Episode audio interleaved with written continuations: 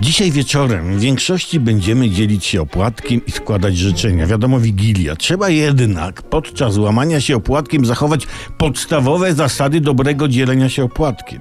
Nie umiesz się dzielić? Nie łam się.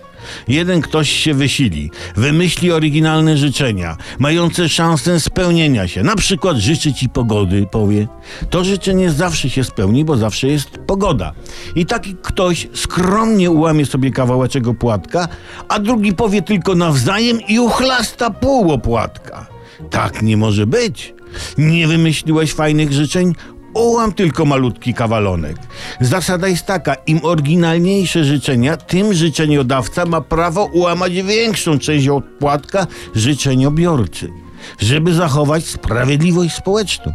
A właśnie, Łamanie się opłatkiem jest trochę jak taki ustrój polityczny, bo na przykład za demokracji szlacheckiej każdy, jeden przez drugiego rzucał się na opłatki i każdy zżerał swój opłatek.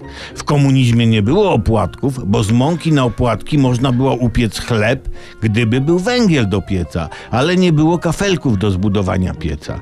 W rozwiniętej demokracji, jaką teraz mamy, kto chce może łamać się opłatkiem, ale musi się z nim podzielić z urzędem podatkowym i ZUS-em na przykład. W zamian za co dostaje później kawalątek z tej dużej części opłatka, co mu te instytucje uchlastały, nic mu nie życząc, tylko życząc sobie.